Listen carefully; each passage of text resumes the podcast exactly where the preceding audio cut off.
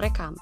Kalian boleh uh, melakukan record podcast sesuai dengan poin-poin yang sudah ambu list ya di grup pesantren Ulas asih. Setelah itu, kalau udah selesai nih podcastnya menyampaikan materi, pokoknya sesuai dengan urutan dari list yang sudah ambu catat. Setelah itu berhenti